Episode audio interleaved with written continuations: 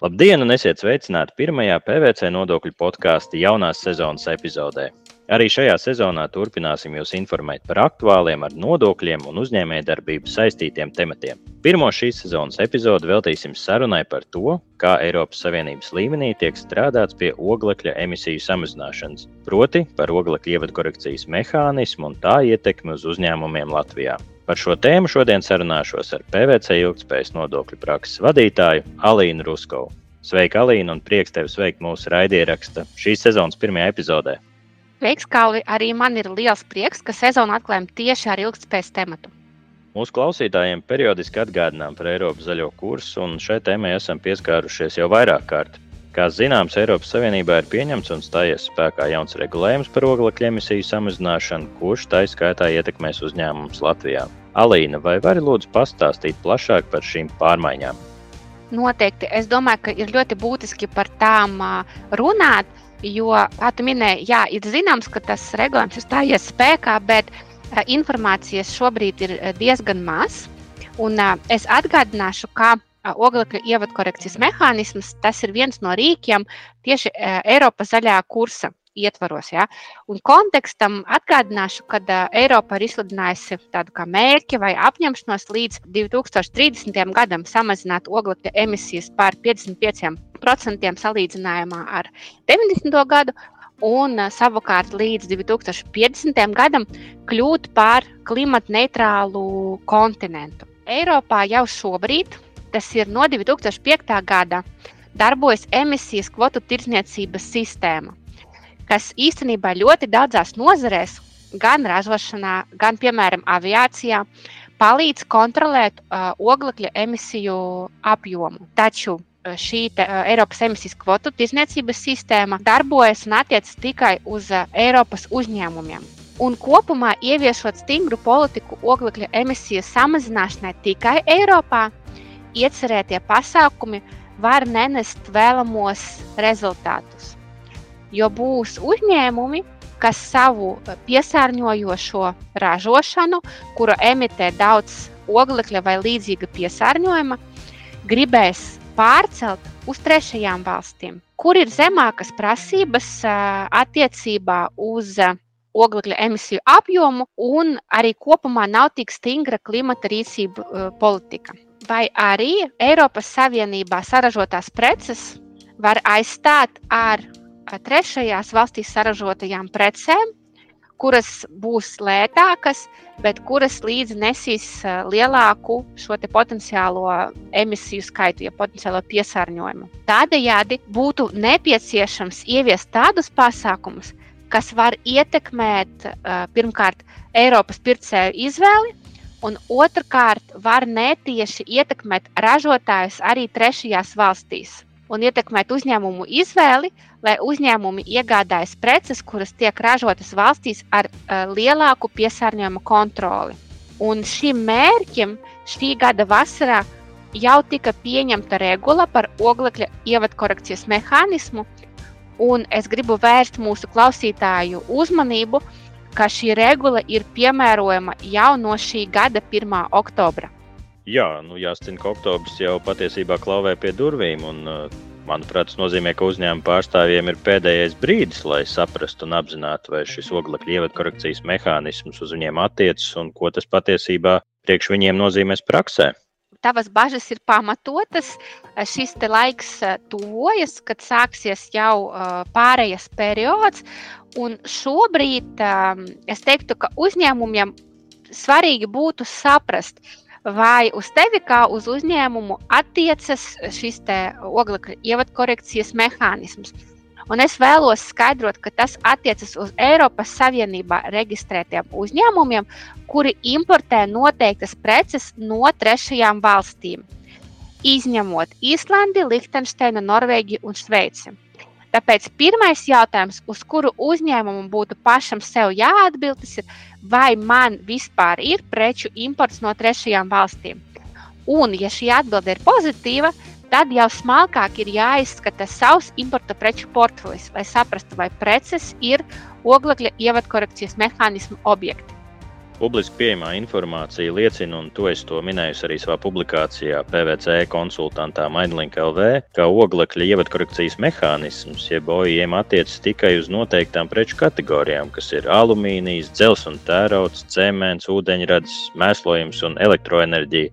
Vai tas nozīmē, ka importējušiem uzņēmumiem ir jāvērtē, kāds ir importēto preču materiālu sastāvs, vai arī izvērtēšana OIM piemērošanas mērķiem notiek vai notiks kā savādāk?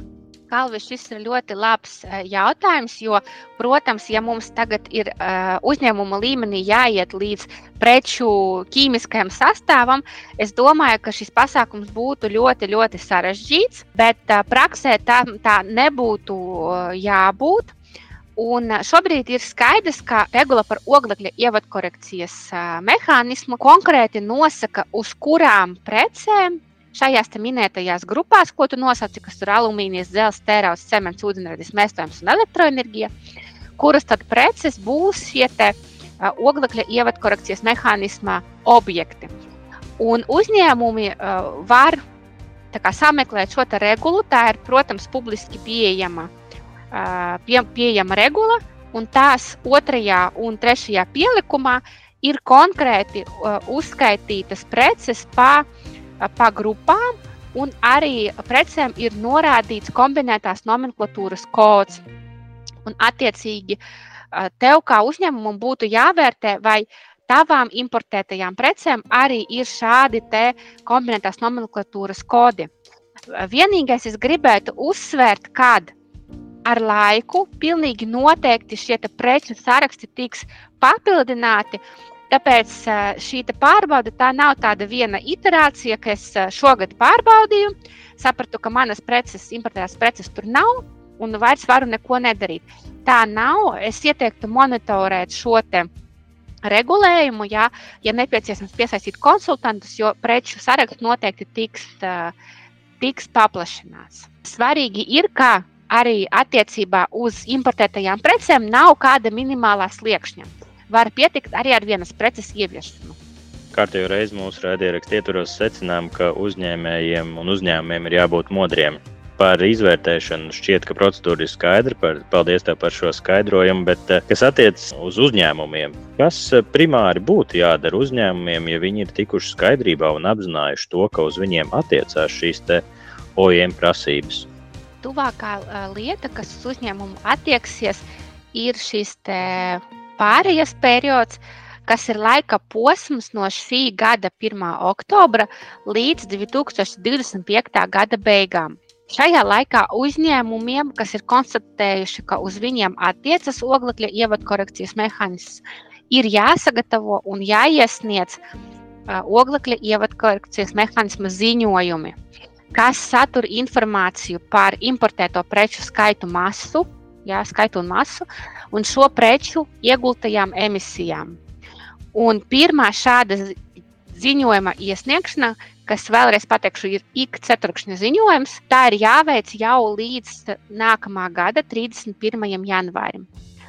Un šādus ceturkšņa ziņojumus būs jāsniedz līdz 2025. gada beigām. Ja pēc šī perioda noteiktu preču imports uzņēmumam vēl joprojām ir aktuāls, tad tam būs arī jāpiesakās, lai reģistrētos akreditēta OIM deklaranta statusā.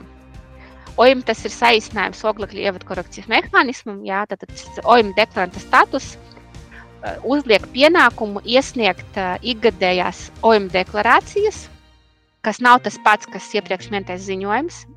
Deklarācijas būs spēkā no 2026. gada, un deklarāciju saturs būs līdzīgs minētajiem ziņojumiem, bet tomēr jau detalizētāks. Un um, uz šo deklarāciju pamata uzņēmumiem, kas turpina noteiktu preču importu no trešajām valstīm, būs pienākums iegādāties CO2 certifikātus.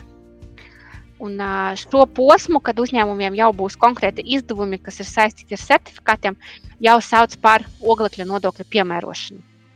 Tātad šobrīd, es saprotu, sāksies tikai pārejas periods, kad CO2 certifikāti vēl nav jāiegādājas, bet šajā posmā laikam sanāk tā, ka jāpievērš īpaši šajā pārejas periodā, jāpievērš īpaši vērību šiem ziņojumiem. Vai tā ir un kā uzņēmumi var sagatavot informāciju priekš tiem? Jā, tā ir. Ziņojuma saturs ir ļoti svarīgs, un es to vēlētos uzsvērt. Un, uh, neskatoties uz to, ka uh, šajā divu gadu faktiski posmā līdz 25. gada beigām uzņēmumi vēl nemaksā par šiem certifikātiem, es uh, gribu uzsvērt, ka ziņojuma saturam tik un tā ir uh, jāpieiet ļoti nopietni un uh, nedrīkst uh, kā, to darīt pavirši. Jo ziņojumiem izmantos Eiropas Savienības muitas deklarāciju sistēmu, uh, Un neskatoties uz to, ka tie ir informatīvi, tātad tās nav nodokļu deklarācijas, ir jāiesniedz pēc iespējas precīzākā informācija par preču iegultajām emisijām. Jo pirmkārt, Eiropas Savienības mērķis ir nevis tā teikt, iekasēt no uzņēmumiem naudu, bet reāli saņemt pēc iespējas precīzāku informāciju, cik lielu piesārņojumu mēs faktiski no mūsu ievestajām precēm radam. Ja? Plus šis ziņojums un eh, informācijas kvalitāte ziņojumā ietekmē akreditētā deklaranta statusu nākotnē. Un tas ir ļoti būtiski, jo gadījumā, ja jums šīs akreditētā deklaranta status ir nepieciešams, bet jūs viņu neesat ieguvuši, vai jūsu ziņojumi ir tik teiksim, nekvalitatīvi vai ne, nesatur pilnu informāciju, tad kompetentā iestāde ir tiesīga liekt reģistrēties šī akreditētā deklaranta statusā. Tas nozīmē, ka no 26. gada jums var būt būs liekts noteiktu preču imports. Un, attiecīgi, ja šīs preces ir būtiskas jūsu biznesam, tad arī jau tagad būtu jādomā par informāciju, kuru jūs deklarēsiet šajos ziņojumos. Tāpat vienkārši par datu neiesniegšanu dalību valstīm ir pienākums noteikt sodus. Šobrīd eh, Latvijā vēl nav izstrādāts regulējums, kurš noteiktu konkrētu sodu eh, par ehm, nepilnīgu informācijas sniegšanu OIM tajos ziņojumos, bet eh, regula nepārprotami pasaka, kāda jebkurai dalību valstī ir pienākums ieviest šādus sodus. Es negribu arī mūsu klausītājus kā, biedēt ar šo te terminu ieguldītās emisijas, un vēlos skaidrot, ka jā, ieguldītās emisijas būs jādeklarē šajos ziņojumos, turpmāk arī OIM deklarācijās, bet šo ieguldīto emisiju aprēķins lielākā mērā balstās uz informāciju, ko jūs kā uzņēmums iegūstat no piegādātājiem. Principā normālā situācijā ražotājs, kurš operē konkrētu ražošanas iekārtu, viņš ļoti labi zina, un viņam ir tehniskie dati par emisijām, ko rada konkrētā iekārta, un arī par preču skaitu, ko rada šī iekārta. Un noteiktām preču grupām, principā ar šo informāciju arī pietiks, lai rēķinātu to informāciju, kura jums būs jānodeklarē. Es domāju, ka ja šis piegādātājs ir godprātīgs, tad viņš iesniegs šādu informāciju. Vienlaicīgi, ja tā ir jūsu saistītā persona, tad, protams, šo informāciju būs vieglāk iegūt. Un svarīgi ir, ka Eiropas komisija tagad ir izveidojusi tādu kā alternatīvās komunikācijas formu, kā pieprasīt informāciju no piegādātāja. Šī forma arī ir publiski pieejama, jāsaka, ka viņas izmantošana nav obligāta, un tas ir tikai projekts. Ja mūsu klausītāji sameklēs to formu, tad viņi sapratīs, ka viņa ir ļoti detalizēta un niansēta. Tur ir ļoti daudz pozīciju, bet um, atkal tas būs nepieciešams tajā gadījumā, ja jūs nevarat kādā citā veidā un formātā saņemt informāciju no jūsu piegādātājiem. Papildus gribu pateikt, ka pirmajā gadā, situācijā, kad daļa no informācijas nebūs pieejama, būs iespējams izmantot tādu vispārinātu informāciju, jeb standarta vienības. Šobrīd tieši priekš oglekļa ievadkorekcijas mehānisma Eiropas komisija vēl nav publicējusi regulējumu par standarta vienībām. bet tāds būs pieejams.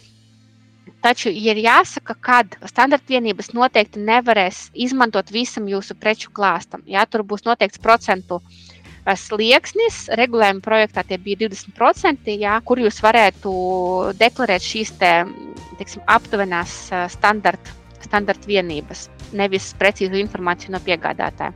Ņemot vērā, kad Eiropas komisija vēlas motivēt visus uzņēmumus deklarēt pēc iespējams precīzāku informāciju. Ja, lai mēs tiešām saprotam, kāds piesārņojums rodas, kad tā prece ir ražota trešajā valstī, ja, tad nu, faktiski ko, kādu preci mēs iepērkam uz Latviju. Ja, Attiecīgi viņi izmanto dažādus rīkus, lai motivētu uzņēmumus deklarēt pareizu un precīzu informāciju. Tādējādi standarta vērtības noteikti uzņēmumiem nebūs, nebūs izdevīgas. Attiecīgi tas jums radīs tādu lielāku teiksim, emisiju apjomu jūsu deklarācijās, un nākotnē tas var ietekmēt arī jūsu teiksim, aprēķinus un izmaksas oglekļa certifikātu iegādē. Un ir jāsaka, ka arī uzņēmumam pašam ir jābūt ieinteresētam, detalizēti saprast, cik lielas ir tavas faktiskās CO2 ieguldītās emisijas no importētām precēm. Jo uz šīs informācijas pamata tu kā uzņēmums prognozē, cik daudz CO2 tev būs jāpērk sākot ar 2026. gadu. Ja certifikāti būs nopirkti pārāk maz, tad, diemžēl, gada griezumā tos nevarēs piepirkt klāt. Attiecīgi, tev būs kaut kādā gada tiksim, punktā jāpārtrauc imports līdz nākamajam gadam.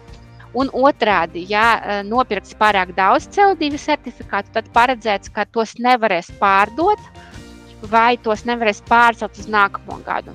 Attiecīgi, tev kā uzņēmumam tie būs tādi faktiskie eh, izdevumi, un ehm, šāda certifikātu darbība ir arī būtiska atkarība no manis minētās eh, Eiropas kvotu tirdzniecības sistēmas.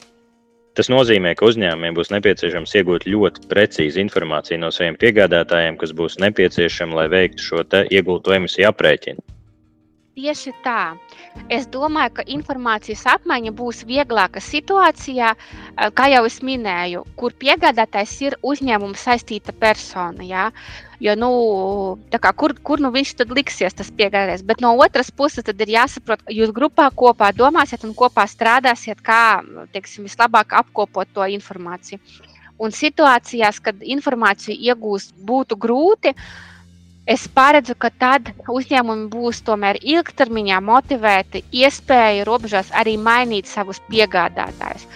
Un tas OIM mehānisms savā ziņā ir arī darbs ar tavu piegādes ķēdi. Jo, eh, ja tavas preces nāk no ļoti piesārņojušas uh, ražošanas, tad tev ilgtermiņā, ja tev ir alternatīvas, vai ja tu vari sameklēt alternatīvas, tev noteikti būs izdevīgāk pārslēgties uz tādiem piegādātājiem, kas ražo uh, mazāk piesārņojušās ražotnēs, vai arī kuri ražo Eiropas Savienības valstīs, vai arī trešajās valstīs, kur ir ieviests oglekļa nodoklis. Ja? Jo ir jāsaka, ka OIM ieviešana jau ir netieši ietekmējusi trešās valstis, piemēram, Ķīnā un Brazīlijā, un, manuprāt, arī Indonēzijā ir plānots ieviest oglekļa nodokli kas nozīmē, ka viņi vienkārši grib kā, piemērot nodokli savās valstīs par šo piesārņojumu, nevis kā, maksāt šeit Latvijas vai citi Eiropas dalību valstu uzņēmumi. Bet nu, tās valstis grib saglabāt to nodokli tajās valstīs. Alīna, es saprotu, ka publiskajā telpā informācijas par mūsu šodienas tēmu vēl ir salīdzinoši maz. Šī tēma ir jauna un vēl ir virkni nezināmo. Bet, lai kliedētu šo informācijas vakumu, varbūt savā ziņā es saprotu, ka PVC akadēmija Latvijas ietveros tu par šo tēmu plāno bezmaksas webināru, kas notiks eh, jau šī gada 20. septembrī. Varbūt tu vari ieskicēt mazliet, par ko tas būs. Jā, Kalvi, mēs ļoti gribam informēt Mm, dažādus uzņēmumus, uz ko tas potenciāli var attiekties. Jā, tāpēc tas webinārs ir bez maksas. Es detalizētāk stāstīšu par to pirmkārt laika griezumu, kā attīstās šis OIM regulējums un kur mēs esam šobrīd stāstīšu par, par to, kā uzņēmumu saprast, vai uz viņu tas attiecas. Vairāk runāsim ar pārējas posmu, jo tas ir tāds tuvākais, kas uz uzņēmumiem attieksies. un par to, kādu informāciju tad būs jāsniedz ceturkšņa ziņojumos. Runāsim par to, kas notiks, ja tu neziņosi kā uzņēmums, un arī pieskarsimies tām, kā šobrīd izskatās šis emisijas kvotu aprēķins. Tas ir kāda informācija tev ir vajadzīga no piegādātāja, lai to aprēķinu veiktu. Un, es ļoti aicinu visus interesantus pieteikties PVC akadēmija Latvijas mājaslapā bezmaksas webināram, kurā tad mēs arī detalizēti runāsim par aktuāliem jautājumiem šī oglekļa ievadkorekcijas mehānismu piemērošanas kontekstā. Lūdzu, piesakieties! Jā, tā izklausās pēc daudz detalizētākas sarunas nekā varbūt apskatām šodien mūsu podkāstā. Bet šajā brīdī, Elīna, teikšu tev paldies un noteikti sekosim līdzi, kā attīstīsies OIM ieviešana praksē. Mūsu klausītājiem atgādināšu, ka šajā epizodē par oglekļa ievadkorekcijas mehānismu un tā ietekmi uz uzņēmumiem Latvijā sarunājos ar PVC ilgspējas nodokļu prakses vadītāju Alīnu Ruskovu. Mans vārds ir Kalvis Gavars. Paldies, ka klausījāties un uz tikšanos nākamreiz. Visu labu!